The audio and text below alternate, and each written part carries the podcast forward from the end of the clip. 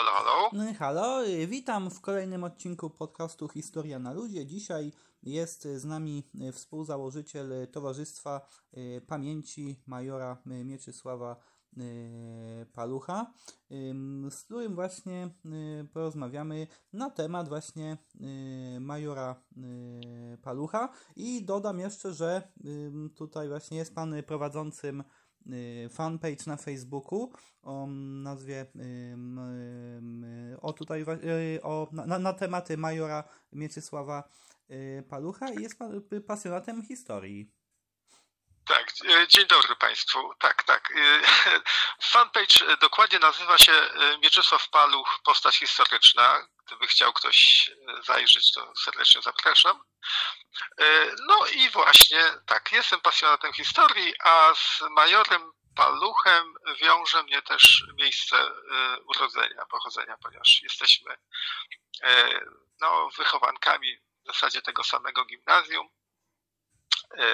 tylko ja 100 lat później. Także to nas połączyło przede wszystkim na początku, a teraz wspólna takie właśnie pasja związana z historią. E, no właśnie, no i też warto dodać, że Mieczysław Paluch jest postacią zasłużoną dla powstania wielkopolskiego, jak i też dla jednego z powstań śląskich. Tak jest. Jest zasłużoną, ale niestety zapomnianą w dużej mierze. W zasadzie ludzie, osoby, które się interesują y, powstaniem wielkopolskim i powstaniami śląskimi, musiały się spotkać z majorem Paluchem. Natomiast w takim przekazie powszechnym publicystycznym e, nie, nie jest wspominany zbyt często. Ja uważam, że jest to wyjątkowo niesprawiedliwe wobec jego zasług.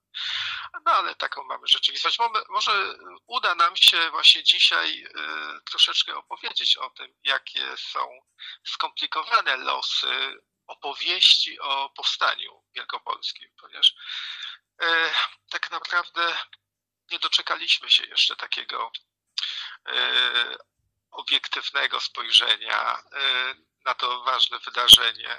Ciągle jest w związku z, zwłaszcza z powstaniem wielkopolskim tutaj u nas w Poznaniu, w Wielkopolsce, bardzo dużo emocji, które czasami przeszkadzają w, w takim naukowym, badawczym oglądzie. A szkoda.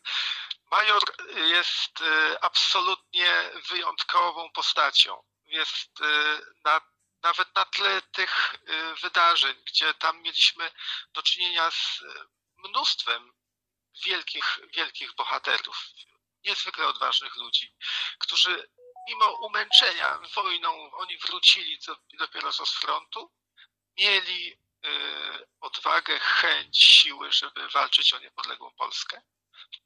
Ich było bardzo, bardzo dużo, ale na tym tle major Paluch ze swoimi zdolnościami, pomysłami, sprężystością, zdecydowaniem wyróżnia się i chyba dlatego warto y, jak najwięcej o nim mówić i uświadomić jak największej ilości e, osób y, jego znaczenie w tym wydarzeniu. No właśnie, by był on szerzej znany i zapamiętany też. No, by był. On kiedyś, jeżeli przyjrzymy się publikacjom z y, lat 70., 80., on, on był, y, zwłaszcza w tych poważnych y, pozycjach, zawsze, zawsze wspominany. Publikacje profesora Antoniego Czubińskiego, Zdzisława Grota, takie duże pozycje traktujące o powstaniach, o powstaniu wielkopolskim, one zawsze były bogate, pełne y, wspomnień o, o paluchu. Nie dało się opowiedzieć powstania wielkopolskiego bez y, y, mówienia o tej postaci. Natomiast publikacje współczesne, one zdają się nie widzieć jego zasług, jego, jego pomysłów. Zastanawiam się, dlaczego tak się dzieje i postanowiliśmy właśnie w 2016 roku e, sprzeciwstawić się temu. E, dlatego powołaliśmy Towarzystwo Pamięci Majora Palucha, żeby jako no, pewna wspólnota już, już upominać się o tę postać. Myśmy mieli wtedy taką sytuację, że w czasie uroczystości związanych z rocznicami wybuchu powstania pod pomnikiem powstańców wielkopolskich tutaj w Poznaniu, w czasie apelu pamięci, kiedy wymieniani są najważniejsi bohaterowie powstania wielkopolskiego, paluch był pomijany, w ogóle nie był wymieniany.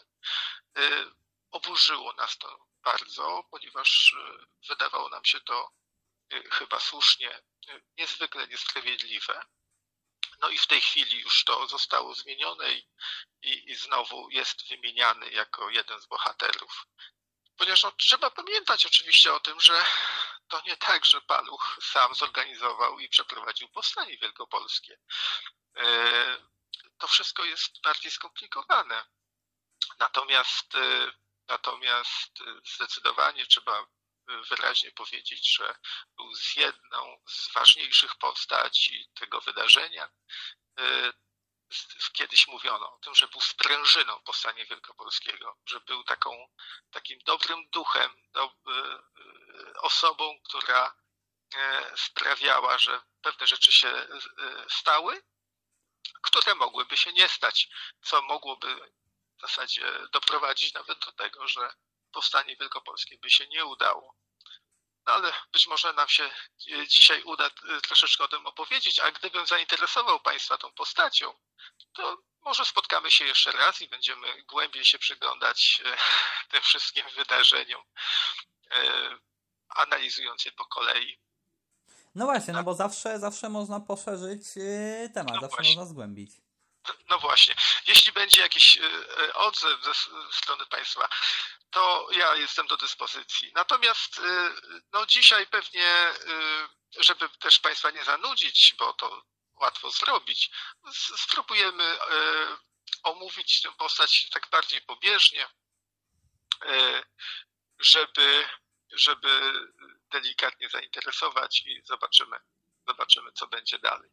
No, generalnie, jeżeli chodzi o, o Majora, no to nie możemy o nim opowiedzieć, nie wspominając o tym, gdzie się urodził i gdzie się uczył, ponieważ ten okres e, kształtowania jego osobowości chyba miał takie ważne e, znaczenie. Zaowocowało to wszystko później w jego dorosłym życiu. Urodził się niedaleko Czemeszna. Czemeszno leży tuż koło Gniezna, to już Gniezno jest powszechnie znane. E, Czemeszno miało wtedy gimnazjum proklasyczne. Gimnazjum, które y, no, w tej chwili ma ponad 250 lat. Y, teraz to jest liceum. Wtedy to gimnazjum miało olbrzymie tradycje założone przez Polaków mimo zaborów w początkowym okresie. E, tam mówiło się w języku polskim. Miejsce to kultywowało pamięć o Polsce, także w czasach, powstań, e, w czasach zaborów. I e, młodzież, która tam się kształciła, była wychowywana w duchu patriotycznym. Działało Towarzystwo Tomasza Zana i w tym towarzystwie również funkcjonował młody Y, Mieczek Paluch. On tam nauczył się konspiracji. Y, tam były prowadzone, no nie w samym gimnazjum, ale ta młodzież, która tam była skupiana, była y, organizowana w takie grupy, które wychodziły do jakichś budynków często opuszczonych, jakiegoś starego młyna i tam ćwiczono musztrę, ćwiczono walki miejscach, gdzie młodzież stacjonowała, czytano polskie książki, uczono się polskiej historii, przygotowywano się do obchodzenia y, polskich świąt y, niepodległościowych czy, czy takich historycznych wydarzeń. Także było to miejsce, które ukształtowało taką postawę y, bohaterską i nauczyło Mieczysława y, Palucha konspiracji. Tam też poznał Bogdana Hulewicza, który będzie się później w czasie powstania wielkopolskiego też przejawiał, ponieważ oni przynajmniej w początkowym okresie do czasu przyjazdu kapitana Taczaka do Poznania współpracowali, żeby przygotować powstanie wielkopolskie dobrze. Także to Czemesz, no to gimnazjum klasyczne czemeszeńskie, to jest taka, taki ważny kamień milowy e, rozwoju e, młodego Mieczka. Potem, e, a jeszcze, a jeszcze warto o tym powiedzieć, że to gimnazjum e, w swoim programie miało naukę e, łaciny klasycznej, klasycznej greki. Mieczek małą maturę pisał klasyczną grekę, greką. Jest to niesamowite. W ramach tego gimnazjum młodzież uczyła się pływać, uczyła się także żeglować.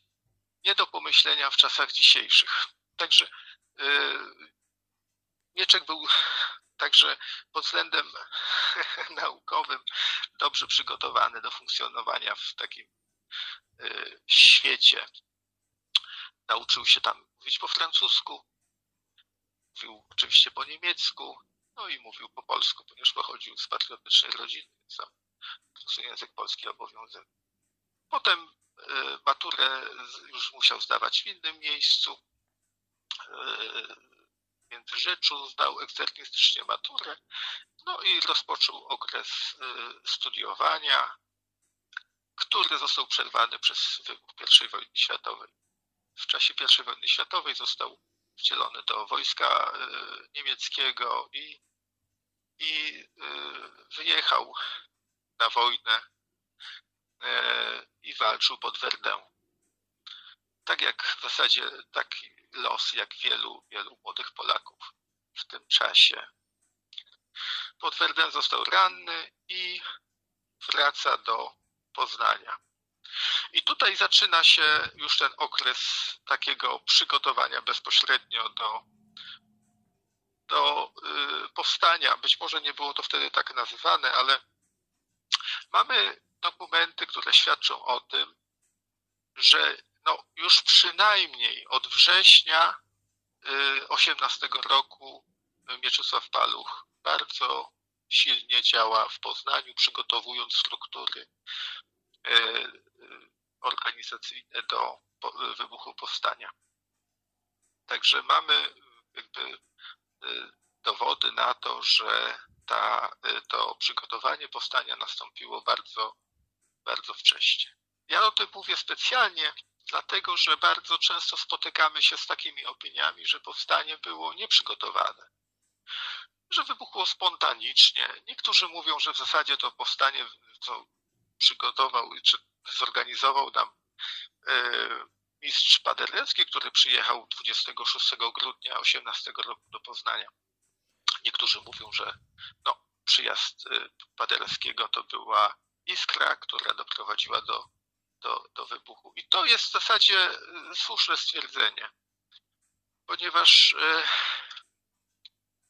powstanie było czymś tak y, ważnym, wielkim, że gdyby nie było przygotowane, to sam przyjazd Paderewskiego do Poznania niewiele by zmienił.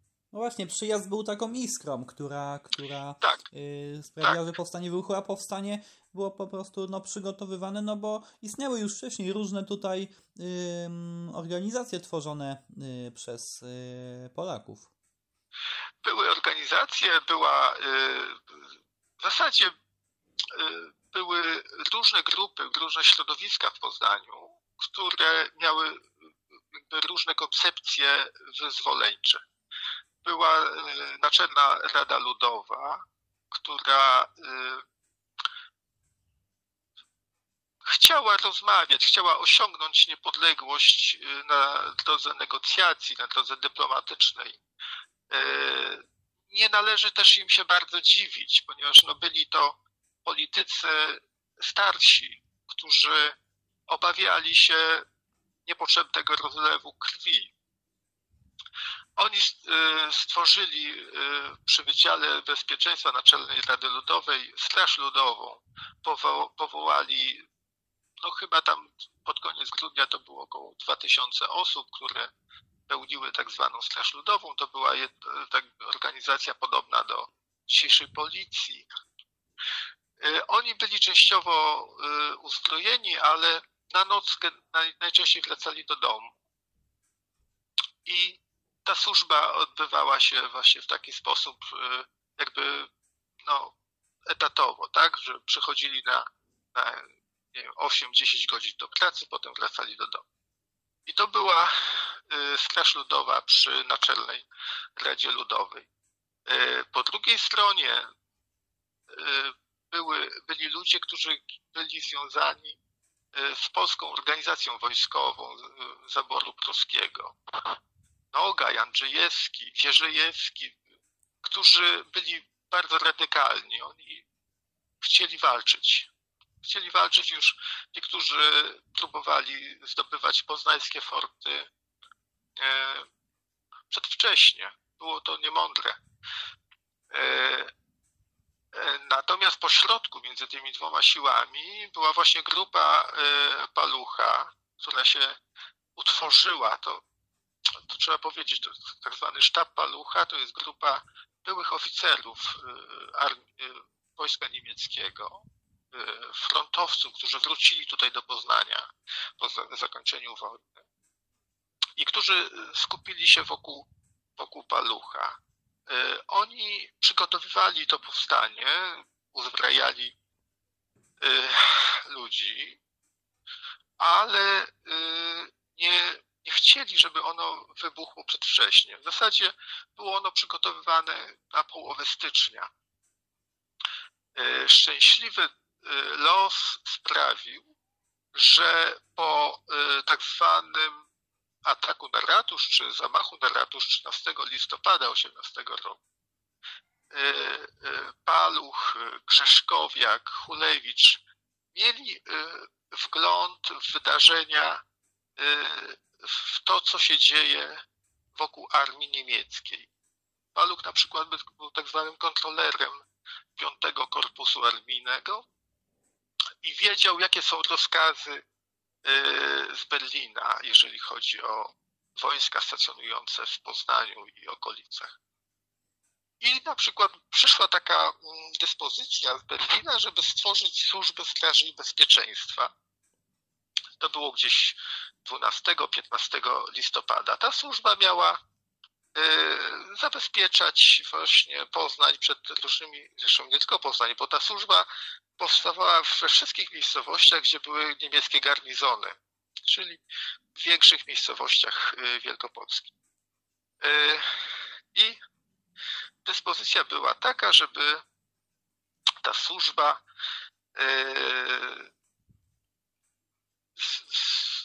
skupiała żołnierzy na żołdzie niemieckim, powielając właśnie niemieckie pieniądze, uzbrojenie, umundurowanie i stacjonująca w fortach poznańskich. Akurat w Poznaniu, a tam, gdzie na przykład w Gnieźnie, tam gdzie, tam, gdzie było miejsce przy tych garnizonach. Y, Paluch y, postanowił, żeby powoływać y, do tej służby Straży i Bezpieczeństwa Polaków przede wszystkim a żeby wyko e, wykonać parytet, połowa Niemców, po połowa Polaków, powoływano Polaków z niemiecko brzmiącymi nazwiskami. Także na papierze wyglądało to w ten sposób, że było tam e, sprawiedliwie podzielone. Niemcy nie garnęli się do tej służby. Oni byli bardzo zmęczeni wojną i to był okres świąteczny. Chcieli już e, zakończyć jakiekolwiek służby. A jeżeli jakiś y, grupa Niemców bardzo chciała, no to też Polacy y, starali się ich zniechęcić do tego, żeby tam się zapisywali do tej służby. W ten sposób y, Paluch stworzył służbę około 2000 osób brało w tym udział w tym czasie. W pełni umundurowaną, uzbrojoną. na żołdzie niemieckim stacjonującą w fortach poznańskich tutaj w Poznaniu. To 2000 osób to była bardzo duża siła. I to sprawiło, że kiedy przyjechał Paderewski, kiedy Polacy zamanifestowali tą swoją e, polskość przy tej okazji, to była następna taka wielka manifestacja polskości w Poznaniu po zjeździe z Sejmu Dzielnicowego na początku grudnia, y, w zasadzie można było powiedzieć, że ta beczka prochu jest przygotowana. Jest, y, czeka na iskrę. Ponieważ y, sam Poznań był twierdzą.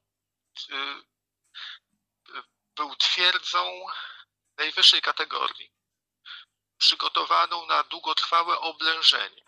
Gdybyśmy nie wprowadzili do tych fortów, tych jednostek wojskowych, wystarczyłoby, żeby Niemcy zamknęli się w tych różnych e, budynkach fortecznych. Nie byłoby możliwości, żeby e, wyzwolić Poznań. No, a na pewno nie w ciągu jednego, dwóch dni. A my wiemy o tym, że już 28 grudnia w zasadzie Poznań w większości jest wyzwolony. Nie tylko Poznań, ale też całe mnóstwo e, miejscowości wokół Poznania.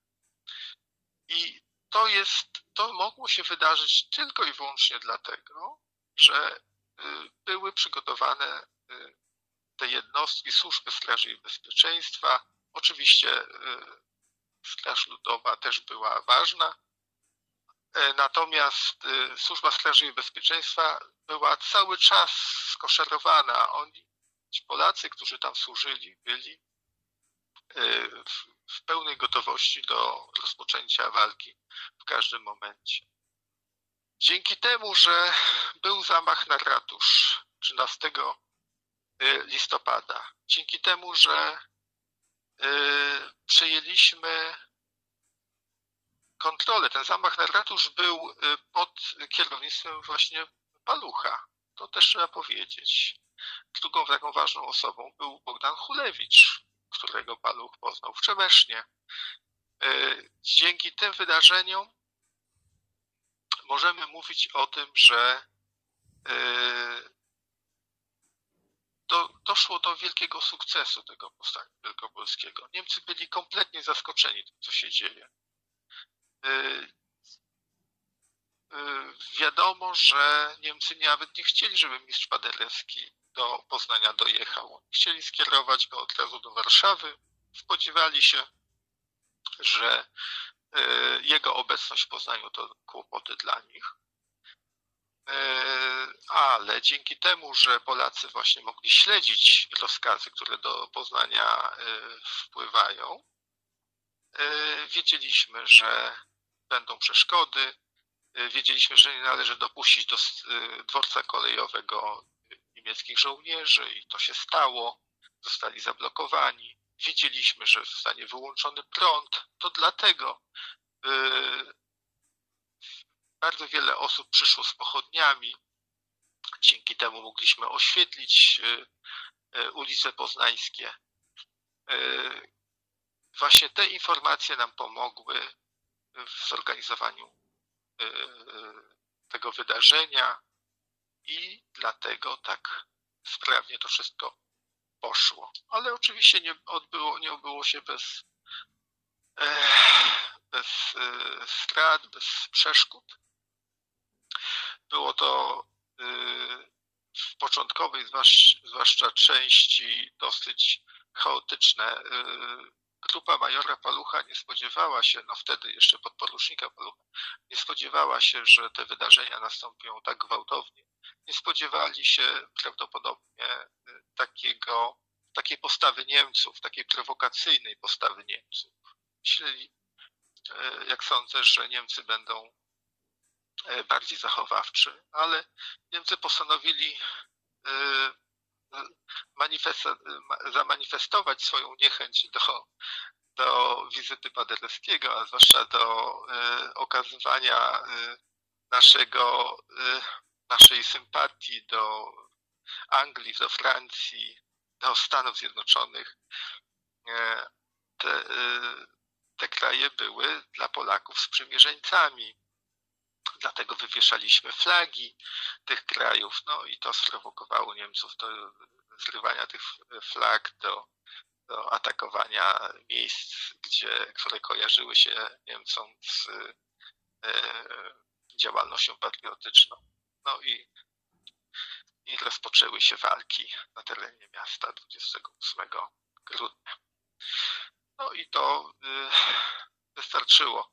Dzięki temu, że były struktury już właśnie służby straży i bezpieczeństwa, że działała grupa Palucha, że miała swoich ludzi w różnych miejscach e, na terenie Wielkopolski, e, no, poszła następ, natychmiast informacja, że nie należy dłużej czekać, że rozpoczynamy powstanie. No i, i e, z godziny na godzinę wyzwalały się poszczególne miasta. W Poznaniu zostało y, lotnisko, y, stacja lotnicza Ławica, którą Paluch chciał y, jakby z rozpędu wyzwolić również jak najszybciej. Oprócz tego hala Cepelina, gdzie składowano w częściach samoloty, ona była pierwotnie stworzona jako baza balonowa, ale, ale tam zrobiono magazyn dla olbrzymiej ilości samolotów. Niestety na zdobycie stacji lotniczej Ławica nie było zgody Naczelnej Rady Ludowej. I tutaj zaczęły się już dla Palucha problemy. To już wtedy w zasadzie jego działanie było, e, było w sposób jawny e, krytykowane i powstrzymywane. Dlatego do zdobycia ławicy doszło dopiero w nocy z 5 na 6 stycznia 1919 roku. Natomiast y, jeśli by Państwa interesowała postawa y, Naczelnej Rady Ludowej, do, czyli tego organu w Poznaniu politycznego, który kierował y, Polakami, to ja bym proponował, żebyście Państwo na YouTube albo na stronie IPN-u poznańskiego y, odszukali sobie wykład doktora Adama Pleskaczyńskiego pod tytułem Naczelna Rada Ludowa. To jest łatwo poszukać, a ja tutaj tylko yy, zacytuję drobny fragment tego wykładu, który opisuje, co się działo yy, w momencie, kiedy wybucha powstanie wielkopolskie, kiedy Niemcy zaczynają strzelać, kiedy mistrz Paderewski i, e, i, i, i osoby, które z nim przybyły z Londynu, czują się zagrożone fizycznie, ponieważ okna mieszkania, gdzie mieszkał, e, gdzie mieszkała delegacja, zostały oszczelone przez Niemców. E, doktor Adam Pleskaczyński w tym wykładzie mówi w taki sposób. Kiedy doszło do wybuchu powstania wielkopolskiego, Korfanty na wieść o strzelaninie wyraził się w sposób niezbyt cenzuralny. Powiedział, że to są ci ludzie, którzy niszczą moją robotę polityczną, bo nie, takim, ta, bo nie takie były zamiary Naczelnej Rady Ludowej i samego Korfantego. Tak więc ten stosunek Korfantego i Naczelnej Rady Ludowej do powstania w początkowym okresie był bardzo negatywny. 28 grudnia Korfanty zorganizował nawet konferencję w Bazarze, do której zaprosił tych wszystkich przywódców różnych autonomicznych organizacji konspiracyjnych, spiskowych, militarnych, które brały udział w walkach o miasto. Celem tego spotkania było wygaszenie powstania. Jaką mamy sytuację? To jest już koniec e, cytatu. Wybucha powstanie, jest strzelanina, polskie oddziały e, oczywiście zaczynają odpowiadać Niemcom, zaczynają wyzwalać poszczególne budynki administracji niemieckiej. Naczelna e, Rada Ludowa chce wygaszenia powstania, chce uspokojenia miasta. Mieczysław Paluch, Hulewicz, wszyscy organizatorzy, wszyscy ci, którzy znają sytuację armii niemieckiej, mówią: walczmy. Należy wykorzystać ten moment, żeby pokonać Niemców. Jeżeli i mamy dostać niepodległość, to bierzmy ją. Nie czekajmy na konferencję pokojową, nie czekajmy na to, aż nam ktoś coś da, tylko wyzwalajmy polskie miasta. Naczelna Rada Ludowa boi się konfrontacji z Niemcami, szybko organizuje tak zwanego dowódcę powstania wielkopolskiego, czyli y, na pewno Państwo słyszeli, y, wtedy kapitan, później szybko major y, Stanisław Taczak przybywa przez przypadek do Poznania,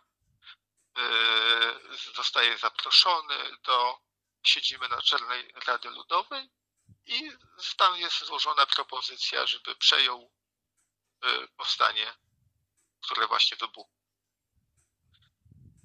Nikt go nie zna. On nie zna w Poznaniu nikogo. On był etatowym pracownikiem e, w Warszawie, pracował dla tak zwanego Polnische Wehrmacht, czyli teraz to się mówi Polskie Siły Zbrojne, ale były to jednostki organizowane przez Niemców de facto. W zasadzie wtedy już e, one były, e, no, zanikały. Ludzie jakby wychodzili z tego Y, z tego wojska, ponieważ już wiedzieli, że będzie tworzone prawdziwe wojsko polskie, ale y, kapitan Taczak wiernie do samego końca służył w Polnische Wehrmacht w Warszawie. Tak naprawdę rodzinę miał w y, Niemczech, żona i dzieci. On wracał właśnie z Niemiec do Warszawy przez Poznań, bo tutaj miał brata i dlatego się znalazł w Poznaniu.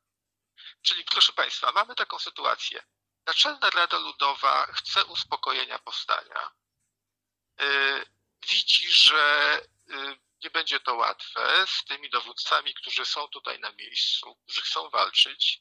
Organizuje zastępczego dowódcę Stanisława Taczaka. On tutaj się zgadza na to, żeby przejąć taką formalnie taką funkcję.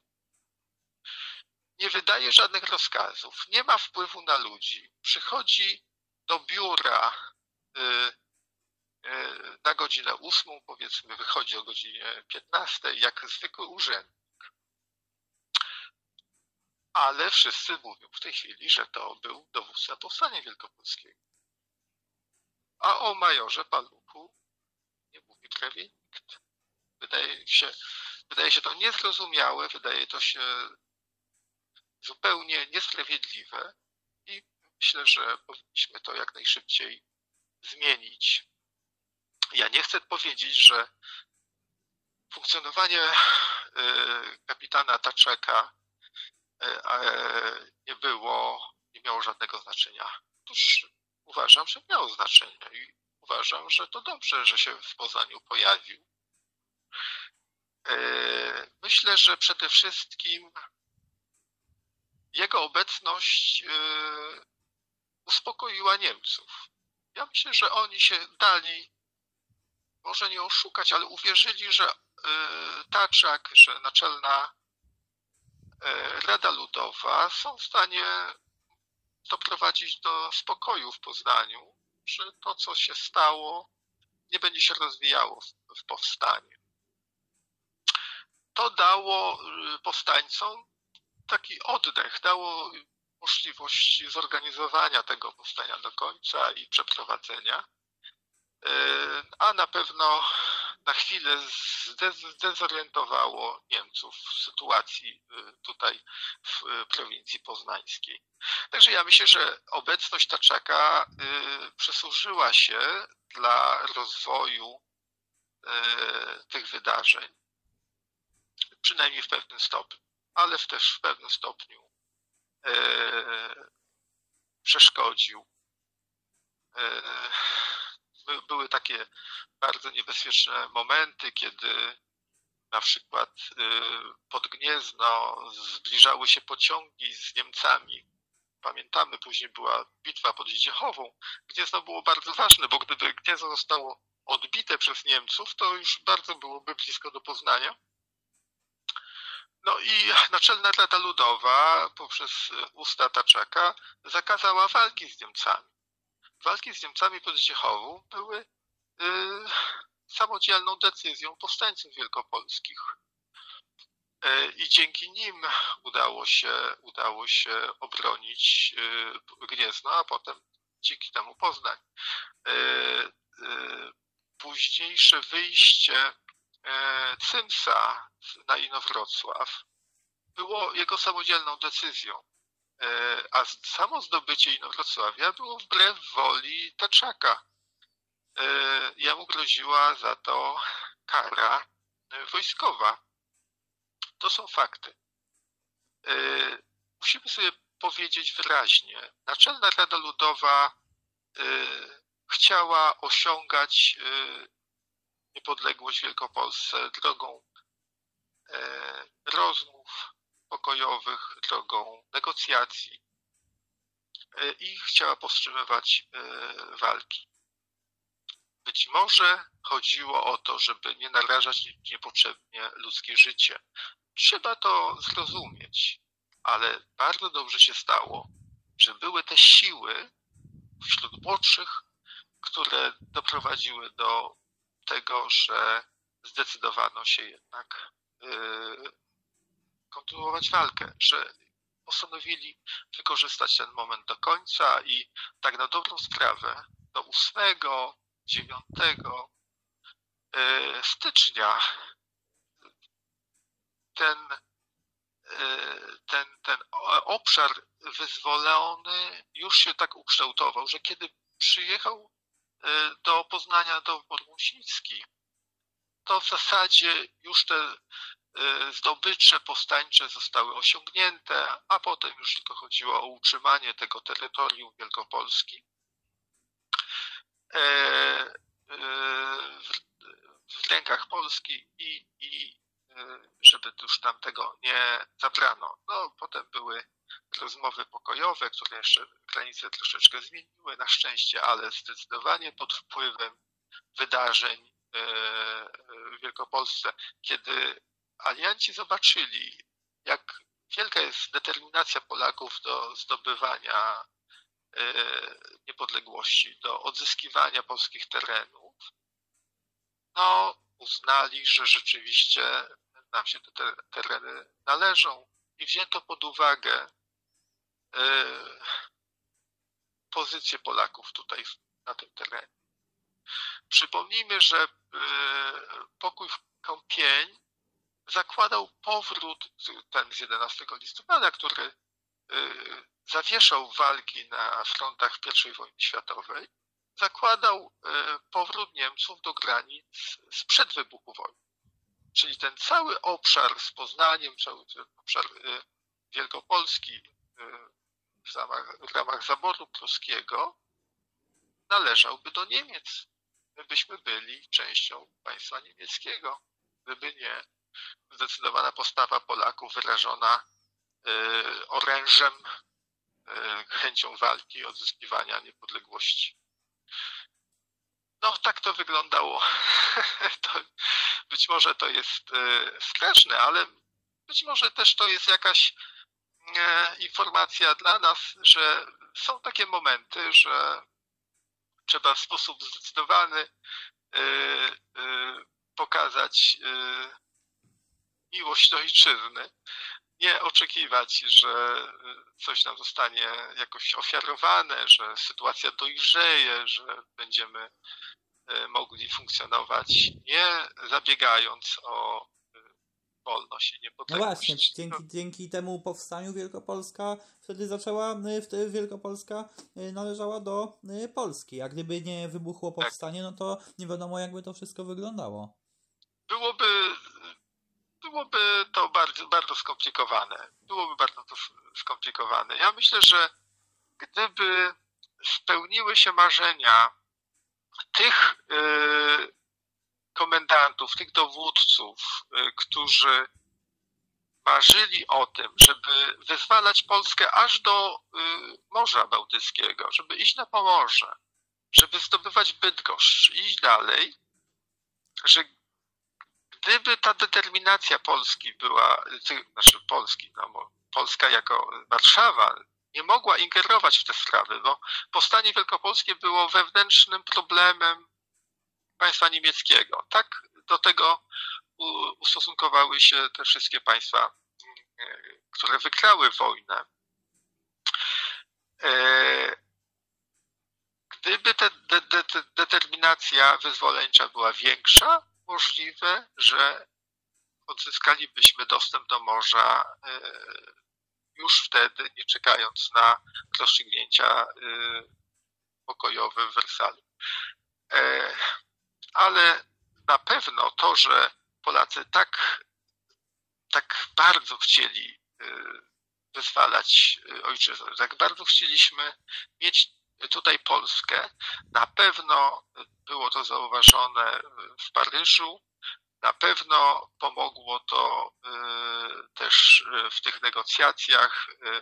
Zresztą przy tych y, rozważaniach o tym, jak ma wyglądać Europa po I wojnie światowej, bardzo pomogła y, postawa Stanów Zjednoczonych. To, że w programie pokojowym prezydenta Wilsona zawarty był punkt o Polsce y, z dostępem do morza, było bardzo poważnie traktowane i, i y, na pewno też to Polsce pomogło. A to, że ten punkt tam się znalazł, no to też jest zasługa y, patriotycznej Polonii, która, która wpływała na prezydenta Wilsona no i tutaj bezpośrednio mistrza Paderewskiego, który działał w Stanach Zjednoczonych. No a ponieważ y, miłość y, do sztuki y, muzycznej była znana u żony prezydenta Wilsona, no to jakoś tak się stało, że sam Paderewski też miał poprzez to wpływ na, na, na na prezydenta poprzez żonę. No i taki anegdotyczny może przykład, w jaki sposób kobiety mogą wpływać na wydarzenia polityczne na świecie. I no dobrze, to mamy już w zasadzie w ten sposób doszliśmy do, do y, tych rozstrzygnięć y, pokojowych, gdzie y, no, został, został Poznań, ta rejencja tutaj poznańska uznana jako polska. Mamy uspokojenie sytuacji. Armia Wielkopolska składa przysięgę. Są jeszcze takie ważne wydarzenia, ponieważ po zdobyciu portu lotniczego Ławica Y, odebrano Paluchowi komendaturę nad jakimikolwiek wojskami. W zasadzie to już 4 stycznia y, y, odebrano władzę, dlatego oficjalnie dowódcą oddziałów zdobywających stację lotniczą Ławica był ktoś inny. Nie było miejsca jakby po, po zdobyciu ławicy już dla Palucha, tutaj w Poznaniu, skierowano go y, na front północny, gdzie y, Niemcy odbili y, Szubin i tam był bardzo potrzebny. A ponieważ Paluch był osobą energiczną, zdecydowaną, to uznano, że on się będzie tam nadawał do odbijania tych, tych miejscowości atakowanych przez Niemców.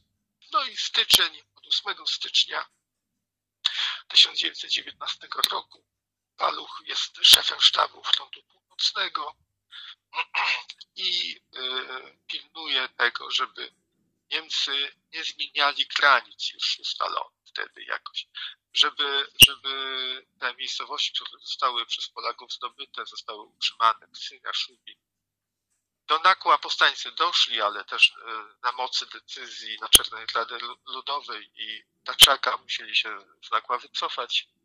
W każdym razie Inowrocław już był polski. No, do Bydgoszczy nie pozwolono nam wchodzić, e, ale, ale chodziło też o to, żeby utrzymać ten front nocny Teci, żeby, żeby te miejscowości, które są już polskie, żeby polskie zostały, aż do tego traktatu pokojowego, który to wszystko zatwierdzi. No i tak się stało.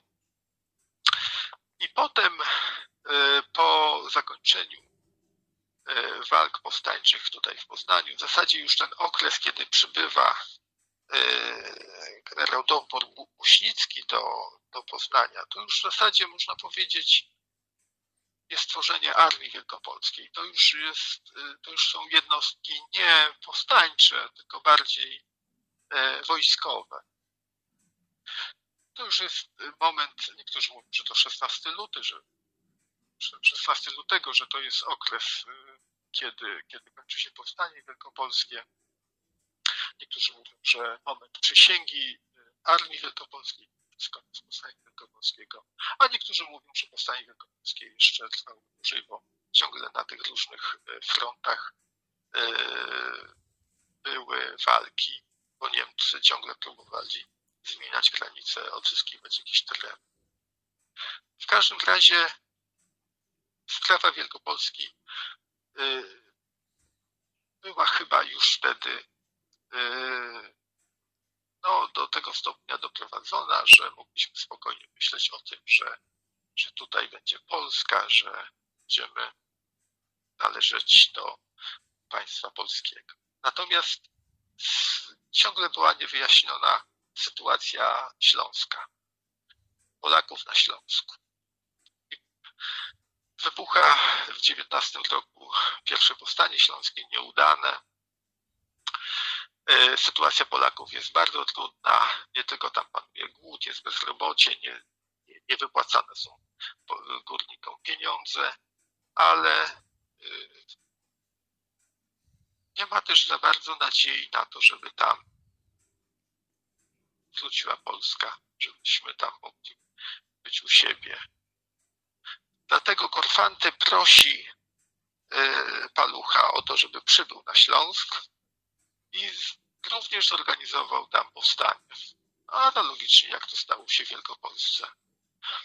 Paluch przyjmuje to, dostaje zgodę z Warszawy, przybywa e, do Bytomia, do Zabrza, tam mieszka E, i przygotowuje e, powstanie śląskie, które później będziemy nazywać drugim powstaniem śląskim. To jest lato 1920 roku, które to lato pamiętamy z cudu nad Wisłą, z walk z bolszewikami, kiedy Polska jest fizycznie zagrożona znowu, aż przychodzą tutaj ze wschodu wojska, a Niemcy uważają, że w tej sytuacji Polski nie będzie, więc nie będzie żadnego problemu, y, jeżeli chodzi o Śląsk. Że tam w zasadzie mają już poukładane, wszystko będzie po ich myśli. A tutaj się okazuje, że y, to powstanie jest tak doskonale zorganizowane, że nagle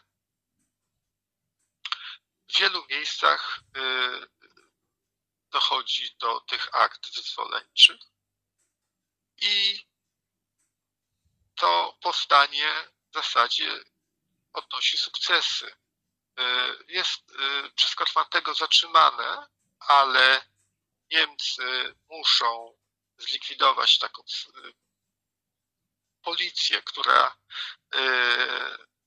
no niestety, ale prześladowała Polaków muszą e, doprowadzić do tego, że Polacy będą mogli drukować polską klasę w związku z przygotowaniami do plebiscytu. Generalnie powstanie zostanie zatrzymane, ale odnosi sukces właśnie w tym sensie, że sytuacja Polaków się tam zdecydowanie poprawia.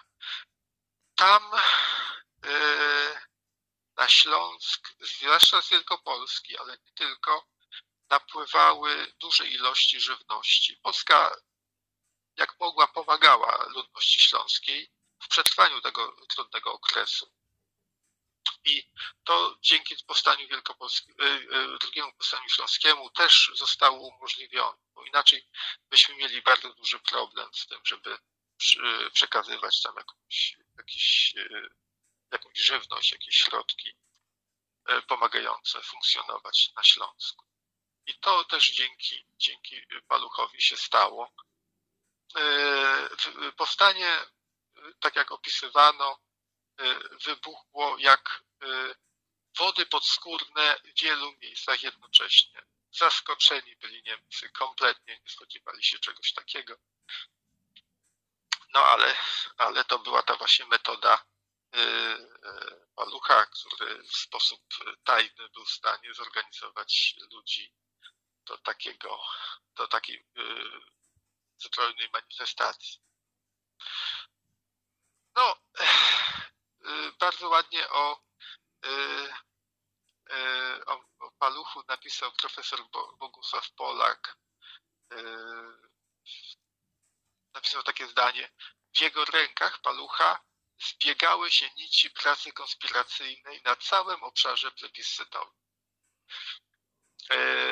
Profesor Bogusław Polak obok profesora Antoniego Czubińskiego, to no, bardzo dużo dobrego też profesor Karwat, współczesny profesor. To, to są osoby, które bardzo dużo badań poświęciły właśnie postaci majora Palucha, opisywały to obiektywnie i, i szczegółowo. Warto też wspomnieć o pięknym filmie dokumentalnym, który powstał o majorze Paluchu. Reżyserem tego filmu jest Janusz Sidor. Mieczysław Paluch, człowiek, dowódca, powstaniec. Ten film można odszukać i on jest na YouTube, ale tam chyba jest jakiś problem z synchronizacją głosu, ale polecam stronę o nauce.pl.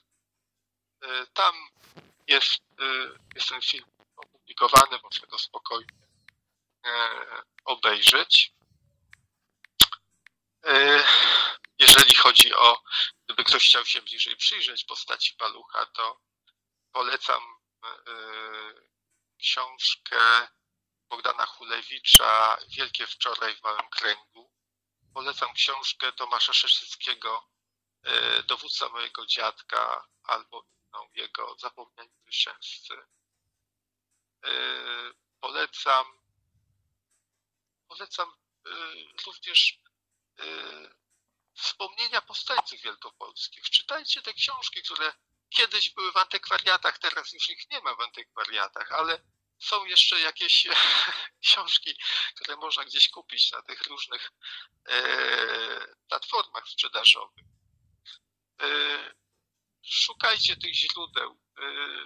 Nie ograniczajcie się tylko do tych publikacji, które w tej chwili pojawiają się coraz rzadziej zresztą. Bardzo często te publikacje są już wyrazem poglądów autora. Dobrze jest przyjrzeć się, co mówią o tych wydarzeniach świadkowie tamtych, tamtych chwil, jak oni pamiętają. Wydawnictwo Poznańskie w ramach publikacji Kroniki Miasta Poznania wydało wspomnienia z Powstania Wielkopolskiego. Tam są na przykład wspomnienia pilota Wiktora Pniewskiego, który opisuje, w jaki sposób Paluch przygotowywał zdobycie stacji lotniczej Ławica. To jest niesamowite. Pniewski był uczestnikiem walk o stację lotniczą Ławica, która dała Polsce olbrzymią ilość majątku wojskowego. To było tam na samej stacji lotniczej było około 30 samolotów, ale generalnie powstańcy zdobyli ponad 300 samolotów, które bardzo się przydały później w walkach z bolszewikami. Wiktor Pniewski był później pierwszym komendantem stacji lotniczej Ławica, polskim komendantem. on bardzo ładnie opisał, w jaki sposób doszło do, do, do, do zdobycia ławicy. Nie było to takie łatwe, tam było ponad 200 żołnierzy niemieckich, tam był magazyn amunicji, który, który być wysadzony.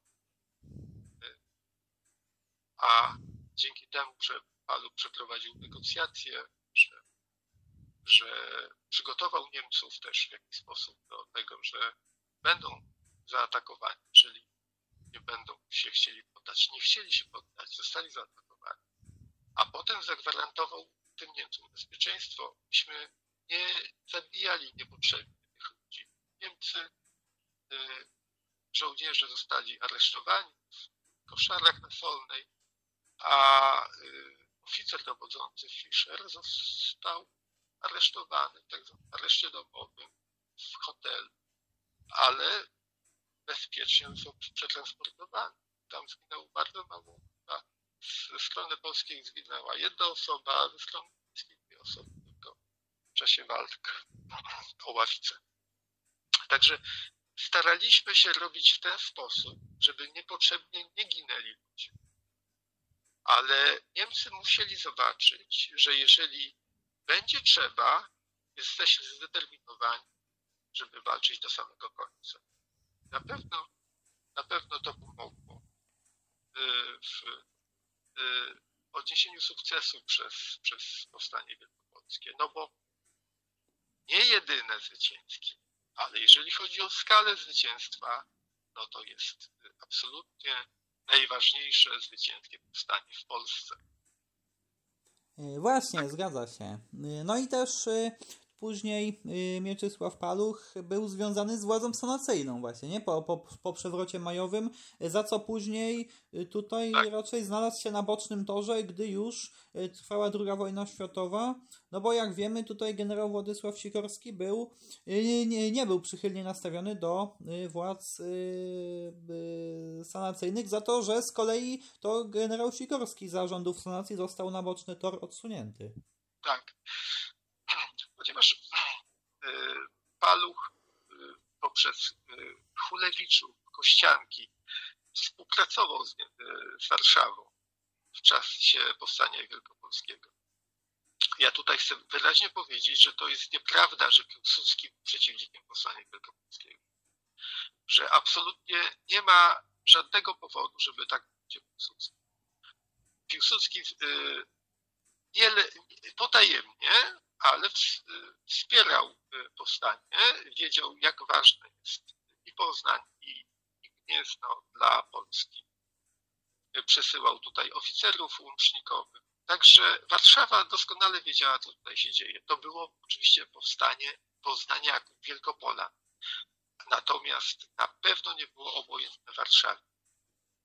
No i teraz po tych wszystkich sukcesach Palucha, tych osiągnięciach, po tej e, jego e, wielkiej walce, kiedy wraca e, Paluch do Poznania, bierze ślub, początkowo mieszka w Bytomiu z żoną, ale wracają do powstania przychodzi w stan spoczynku, jest już majorem i okazuje się, że Poznań nie ma dla majora Palucha żadnej propozycji pracy. To są lata dwudzieste, już y, tutaj kształtuje się administracja polska, a nie ma pracy dla niego.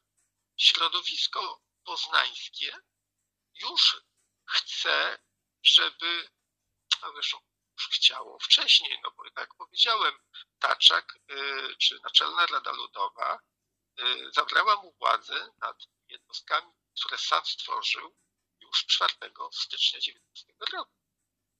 Dlatego chętnie przyjął propozycję walki na froncie północnym. Y, no, Paluch rozgoryczony próbuje zorganizować sobie życie no, podejmując jakąś działalność gospodarczą, zakłada taką spółkę handlową, zajmuje się rolnictwem. W końcu otrzymuje majątek ziemski w piwnicach pod Toruniem i tam, i tam zostaje tak dzierżawcą.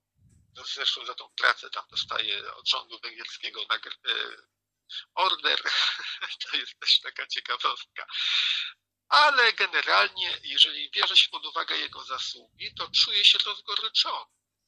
Uważa, że został potraktowany przez Poznań niesprawiedliwie. Poznań, który y, nie dążył do walk z Niemcami, teraz to środowisko polityczne zaczyna konsumować zwycięstwo. Obsadzają swoimi ludźmi stanowiska. Taczak y, staje się taką osobą, y, no, powiedziałbym, że gwiazdorem, ale no, taką ważną osobą, jeżeli chodzi też o pielęgnowanie pamięci o powstaniu wielkopolskim. Jest tutaj cały czas w Poznaniu, pilnuje, które publikacje y, się pojawiają, które się nie pojawiają, które dokumenty są y, y, na, na, jakby na pierwszym miejscu, a które gdzieś są może ukryte. Doko, dokonuje się jakiś okres manipulacji pamięcią o powstaniu wielkopolskim. Doprowadza to do goryczy, paluch tym chętniej zaczyna współpracować z Warszawą i przyjmuje tą propozycję szefowania y, BBWR-u na Pomorzu. Wiąże się z tym y, środowiskiem sanacyjnym. Potem potrzebne jest paluch, ponieważ zna świetnie y, realia niemieckie i język niemiecki. Potrzebny jest na Śląsku.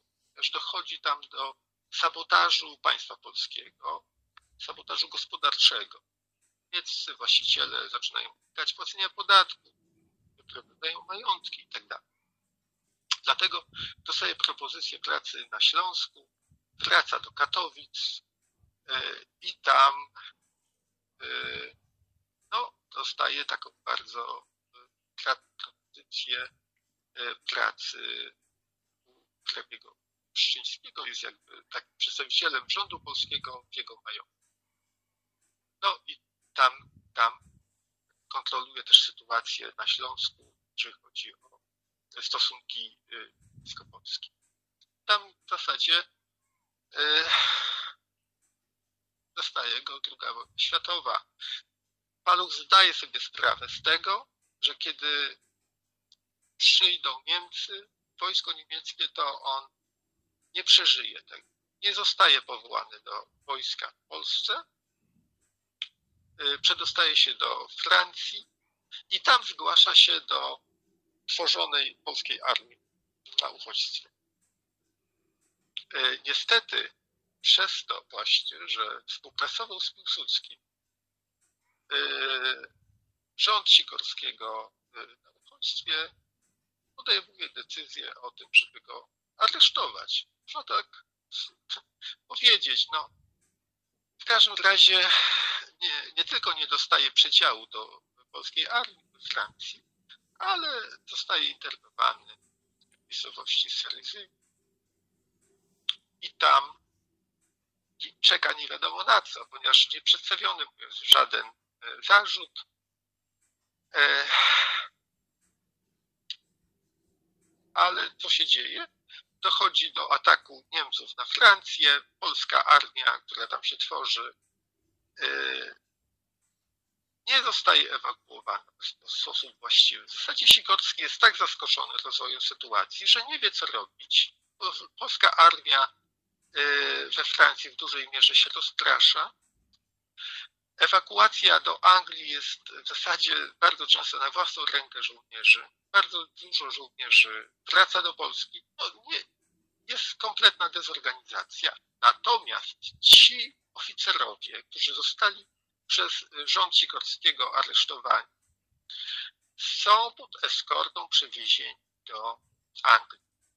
E, o nich pamiętano i ich e, powiedzmy sobie zakwaterowano na takiej wyspie szkockiej Bute, którą później nazwano wyspą Węży. Mówię wężów, ponieważ teraz jest taka słynna wyspa węży w związku z wojną na Ukrainie, a tam mówiono o tej, o tej wyspie, że jest to wyspa wężów, tak ją nazwał jeden z aresztowanych tam oficerów. Sikorski przytrzymywał tam bardzo wielu polskich oficerów, którzy kiedyś współpracowali z Piłsudskim. Tylko dlatego, że współpracowali z Piłsudskim. To był powód. Nie przedstawiono zarzutów, nie było żadnego procesu, nie pozwolono po prostu zasilać struktur polskiego wojska na uchodźstwie. Tam zostali, no, w zasadzie internowani, tam był takie, część obozu to była pod, w namiotach mieszkano. Tam, mimo że to jest inny troszeczkę klimat niż tutaj, ale tam też zimy potrafią być chłodne i tam też może być z 5 stopni. Właśnie, wiele osób się przewinęło właśnie przez Wyspę Węży też. Tak, no liczą, że od 1500 do prawie 2000 oficerów tam się przewinęło przez, przez tą wyspę. Część tych oficerów mieszkała w pensjonatach, ponieważ to była no, już teraz w mniejszym stopniu, ale te pensjonaty stoją dzisiaj. Tam była, to było takie miejsce wypoczynku Anglików. Jechali sobie tam na, na czasy. Te pe, pe, pensjonaty w tym okresie wojennym no, były wolne, więc można było tam tych polskich oficerów zakwaterować. No i na przykład właśnie zdaje się, że Paluch mieszkał w takim jednym z pensjonatów, natomiast nie wolno mu było wyspy opuszczać. Nie wolno mu było też angażować się w pracę polskich wojsk w Anglii. Dostawał jakąś część żołdu. Anglikom powiedziano, że to są oficerowie, którzy czekają, bo będą tworzyli nowy polski rząd po wyzwoleniu. Innym razem mówią, że to są podejrzane osoby, które są alkoholikami, albo, mają jakieś wykroczenia przeciwko regulaminowi wojskowemu. W każdym razie trwało to bardzo długo, dopóki się nie zainteresował tą sytuacją jeden z posłów angielskich, tam przyjechał odwiedzić swoją rodzinę i się zaczął zastanawiać, dlaczego ci oficerowie, wyżsi oficerowie, ułożeni, którzy posługują się różnymi językami, grają na fortepianie. Co oni tam robią? Dlaczego oni tak bezużytecznie spędzają czas? I, no i wtedy się okazało, że tak naprawdę Sikorski nie jest w stanie wytłumaczyć tej sytuacji. No i powiedzmy, że rozpoczyna się od tego momentu okres rozwiązywania tego obozu. No ale niestety major Paluch tego nie doczekał. W lipcu 1942 roku tam umiera i jest pochowany dzisiaj. Mówi się o ataku serca. Nie wiadomo. Powinniśmy zbadać, powinniśmy schować ciało, zbadać, co tam się stało. Że to jeszcze jest możliwe. Ale mimo próśb już wcześniej, bo takie próby ekshumacji prochów majora Palucha i przywiezienia go do Polski wcześniejszych i mimo naszej prób jako Towarzystwa Pamięci Majora Palucha, to się, to się nie udało. W naszym wypadku uzyskaliśmy zgodę rządu angielskiego, ale dysponent grobu, czyli Polskie Ministerstwo Kultury, nie wyraziło zgody na ekshumację, tłumacząc to tym, że jest to miejsce szczególne dla polskiej historii i że te groby, które tam są, tam jest osiem pochówków polskich oficerów, że one mają tam pozostać. Odwoływaliśmy się od tej decyzji bezskutecznie i no niestety jest tak, że major Paluch spoczywa ciągle na tej wyspie szkockiej. Niestety muszę powiedzieć, że polski rząd zapomina o tych, o tych grobach. Tam nie odbywają się żadne uroczystości. Tam jest dosyć mało polonii. Nie zapala tam nawet To jest bardzo smutne. Wydaje się, że po tych wszystkich zasługach majora Palucha taka sytuacja, że on w Poznaniu nie ma żadnego miejsca, gdzie można by, nawet tablicy na jakimś budynku, gdzie można by złożyć kwiaty. Przecież on powinien być jedną z ważniejszych postaci związanych tutaj z historią Poznania. Powinna być, no, on ma ulicę na osiedlu lotników, na takim osiedlu, gdzie bardzo mało osób w ogóle wie, kim był. Podejrzewają, że był jednym z lotników. A on jest na tym osiedlu, patronem tej ulicy.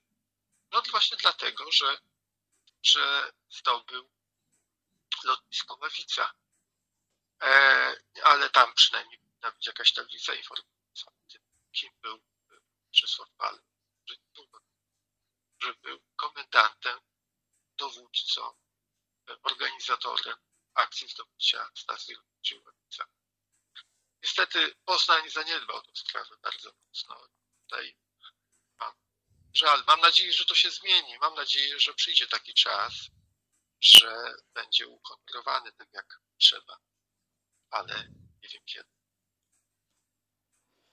Póki co, jeżeli by Państwo, gdybyście chcieli dowiedzieć się czegoś więcej o tym okresie związanym z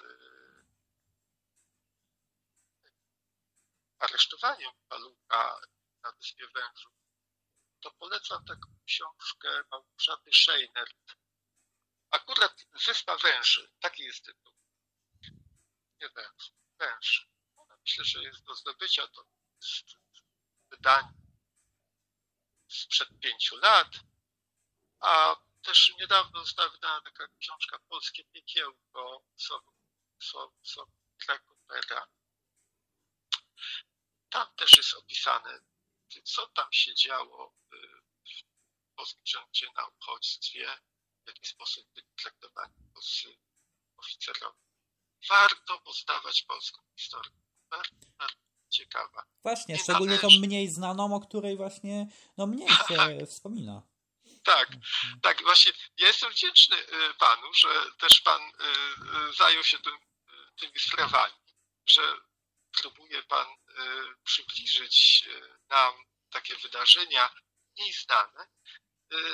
Podziwiam i życzę sukcesu. Mam nadzieję, że będzie się to pięknie rozwijało życzenia. A, dziękuję. Właśnie staram się tutaj też, też staram się wyszukiwać również ciekawych rozmówców właśnie tutaj, żeby też przedstawili różne fakty, yy, wydarzenia, na przykład czy to yy, z historii właśnie takiej całościowej, na przykład czy to z historii danego regionu też właśnie.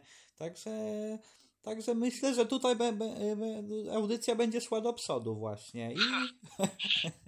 tak, no, życzę.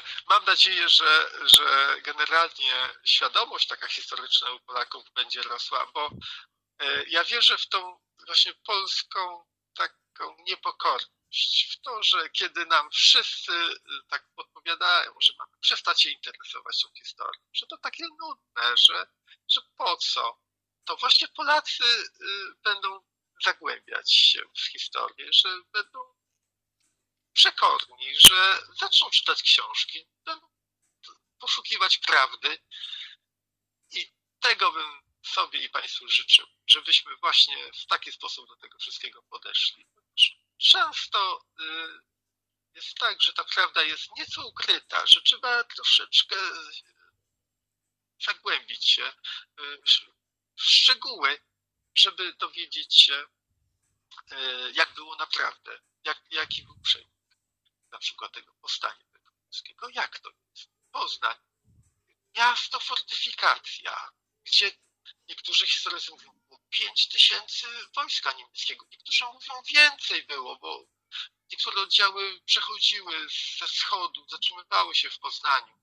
Niektórzy mówią, że było ponad 10 tysięcy wojska niemieckiego. Jak to się stało, że, że jak powstańcy pokonali tych Niemców nagle z 27 na 28 grudnia?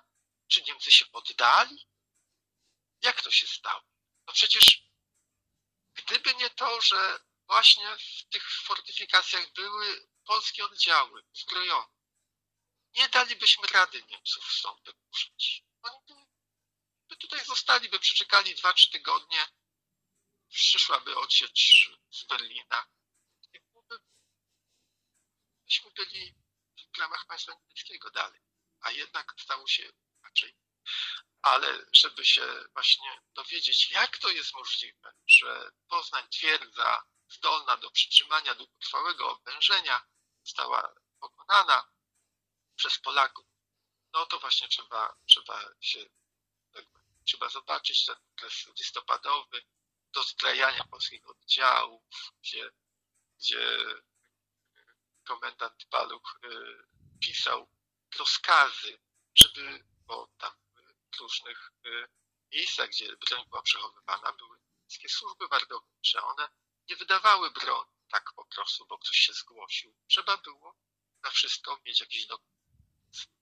Y, po, po 13 listopada 18 roku komendant Paluch, który był obserwatorem poczynań wojskowych ramienia Rady Robotniczo-Żołnierskiej. Wydawał takie dokumenty, dzięki którym poszczególne oddziały były dozbrajane i one mogły dysponować już w czasie wybuchu powstania wielkopolskiego bronią, amunicją, bronią, rozpoczynać walkę. Także to się dobrze bardzo złożyło, że tak się stało. Ale spróbujmy jeszcze, może uda się zrobić tak, żeby, żeby prawdziwym bohaterom że nie pomniki, ale chociaż tablice, żeby Bogdan Chulewicz miał jakąś tablicę w Poznaniu, żeby można było y, uczcić te osoby, żebyśmy, żebyśmy mogli y, podziękować prawdziwym, prawdziwym dowódcom Poznania Tak bardzo sobie tego życzył Państwu też. No właśnie, właśnie, bo warto tutaj upamiętniać i różne postacie, i wydarzenia właśnie tutaj, żeby, żeby, no po prostu, żeby tutaj yy, była przekazywana właśnie pamięć o mm, naszych przodkach przecież, żeby ludzie też yy, poznali też taki yy, ciąg przyczynowo-skutkowy, co z czego wynikało na przykład, nie? Dlaczego teraz jest yy, dlaczego teraz jest na przykład tak jak jest, że tak powiem, bo to wszystko wynika z przeszłości. Tak jest.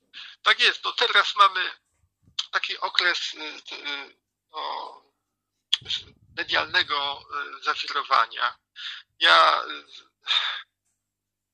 z ubolewaniem przyglądam się temu, e, co się w tej chwili współcześnie dzieje na wobec e, Kościoła w Polsce, Kościoła katolickiego. A kiedy się przyjrzymy tej postawie księży polskich w czasie przygotowań do powstania wielkopolskiego i w czasie samego powstania wielkopolskiego, gdzie oni na początku krzewili tą polską kulturę. Byli bardzo zaangażowani społecznie, gdzie byli nośnikami tej polskości w dużej mierze. E, spółki zarobkowe, banki, e, czytelnie, spółdzielnie. To wszystko było współorganizowane przez księży. Potem już e, właśnie Naczelna Rada Ludowa i przygotowania i komitety obywatelskie wcześniej przed Naczelną Radą Ludowy, to ksiądz Stanisław Adamski, cały czas aktywny. Y, on jako ksiądz zwłaszcza chciał unikać walk, chociaż wiadomo, że życie jest świętością. Ja to doskonale rozumiem, ale też y, chylę czoła przed jego zaangażowaniem właśnie wobec sprawy polskiej. E, był komisarzem Naczelnej Rady Ludowej w Poznaniu, potem został e, biskupem katowickim w 30 roku, a potem w czasie powstania wielkopolskiego, znaczy e, powstania warszawskiego w czasie II wojny światowej, o czym mało kto wie, był jedynym biskupem kapelanem powstania warszawskiego. Nie bał się był na służbie y, dla, dla powstania. Y, jeżeli chodzi o Trzemeszno, to nie można powiedzieć, nie, nie powiedzieć o, o y, księdzu, który prawdopodobnie miał też wpływ na wychowanie, na formowanie postawy majora Palucha, późniejszego majora, o księdzu Marcelim Kowalskim, który był w Czemesznie taką osobą, która kierowała. Młodzież kształcąca się w Czemeszewskim Gimnazjum bardzo często mieszkała w takich pokojach dawnego alumnatu i pod opieką księży. I oni tam właśnie po zajęciach w gimnazjum bardzo często właśnie mieli organizowane czytelnie różnych polskich książek, poznawali polską historię i tak dalej. I tym właśnie ksiądz Marceli Kowalski w Ciemeszczy się zajmował, a potem bardzo pomagał w samym powstaniu wielkopolskim. No niestety jest pochowany poza Czemesznem, ale w Czemesznie w Czemeszeńskiej świątyni ma tablicę epitafium. Także ksiądz majster Środa Wielkopolska. No mój Boże, organizator powstańczy w Środzie Wielkopolskiej. Nie tylko przyjmował przysięgę, ale wręcz organizował te, powstań, te oddziały powstańcze. To był taki czas, kiedy bano się sił rewolucyjnych w tym sensie sowieckim. No tak, bo przecież, przecież ludzie po prostu, ludzie byli zmęczeni tutaj, w, że tak powiem, wojną żołnierze, no i powstawały rady robotniczo-żołnierskie i mogło, było duże zagrożenie, że rewolucja tutaj sowiecka zostanie przeniesiona tutaj na, tak. na inne tereny. Tak, tak, tak jest. I dlatego, dlatego trzeba powiedzieć, że to zaangażowanie księży w jakby wejście w te struktury tych różnych e, rad, tych różnych oddziałów było bardzo, bardzo dobrym posunięciem, ponieważ oni e, nie tylko mieli wpływ na to, co tam się działo w ramach tych różnych struktur, ale też mogli wyrobić sobie zdanie o tym, co tam się dzieje. Mogli zauważyć, że e, te pojawiające się nowe jakby organizacje nie mają charakteru właśnie takiego sowieckiego, że to nie chodzi o, o niesienie komunizmu, tylko jest to jakby realizacja tego postulatu patriotycznego, że jest to sposób na przyjęcie władzy, ale nie walka przeciwko wartościom, które generalnie były no, powszechne. Chodziło o to, żebyśmy mogli, jakby tworząc, jakby wchodząc w ten tworzącą się dwuwładzę, gdzie z jednej strony pozostaje ta stara administracja, a z drugiej powstają te nowe organizacje, tak zwane rady ludowe, żebyśmy mogli tą sytuację wykorzystać, żeby y, albo wpłynąć na starą administrację, albo ją zastąpić. Czyli dokładnie wykorzystać ten sam mechanizm, który stał się w Berlinie, czy też na wschodzie, no bo też to tak się wtedy tam działo. Natomiast u nas w Wielkopolsce nie miało, y, te rady ludowe, one nie miały charakteru y, sowieckiego, y, to nie było to przesłanie komunistyczne, to było przesłanie patriotyczne. Chodziło po prostu o zastąpienie starej władzy nową, w sensie niemieckiej polską. No i ten współudział w tym całym procesie duchownych polskich, no, w zasadzie gwarantował to, co też uspokajało tych wszystkich, e, którzy obawiali się właśnie tego procesu komunizacji Polski. Stało się dzięki Bogu inaczej, bardzo dobrze i e, myślę, że właśnie ta decyzja e, polskiego kościoła, żeby pozwolić księżom angażować się społecznie, żeby oni funkcjonowali w, w tych przestrzeniach publicznych, to była bardzo dobra decyzja. Przecież księża byli członkami władz e, czy powiatowych po, po wyzwoleniu. I wchodzili w skład rad miejskich, albo byli wręcz wójtami czy prezydentami. Także to było niesamowite posunięcie, bardzo dobre. Naprawdę chylę czoła przed Kościołem, że takiej rzeczy wielkiej w Polsce dokonał. Należy o tym pamiętać. No i też wiara była, wiara takim pełniła rolę takiego spoiwa narodu, że tak powiem. Tak jest, oczywiście. Przecież spójrzmy na to w ten sposób, że w momencie Wielkopolsce, kiedy Niemcy zakazali używać języka polskiego, to nauczanie religii też nie mogło się odbywać w języku polskim. Pacierz w języku polskim był możliwy. Więc te, te, to jakby to ostrze, które miało tępić polskość, było skierowane nie tylko w stronę Polaków jako takich, ale także w stronę Kościoła katolickiego. Dlatego mogło dojść do takiego no, współpracy, takiej współpracy, zjednoczenia tych różnych sił przeciwko Niemcom. Mieliśmy wspólnego przeciwnika, wspólnego wroga. E, nauczanie w języku polskim e, było niezwykle ważne. Wspomnijmy księdza Antoniego Ludwiczaka, który, który zajmował się tworzeniem czytelni ludowych. Cała sieć miejsc, gdzie były polskie książki, gdzie można było z tych książek korzystać. Nie było tak jak w tej chwili, że w każdym domu może być książka. I, I, bardzo często nie ma, no bo jej nie chcemy, bo nie kupujemy już w tej chwili, nie ma domowych bibliotek, ale, ale kiedyś y, y, książka była czymś bardzo ważnym. To, to było miejsce, gdzie znajduje się informacja, gdzie znajduje się przekaz i gdzie właśnie był język polski, gdzie można było się języka polskiego uczyć. No, bardzo często y, Biblia po polsku była pierwszą y, polską czytanką. Y, zwłaszcza w tym końcowym okresie germanizacji w Wielkopolsce, gdzie Niemcy postanowili już polskość wykorzenić, gdzie stworzyli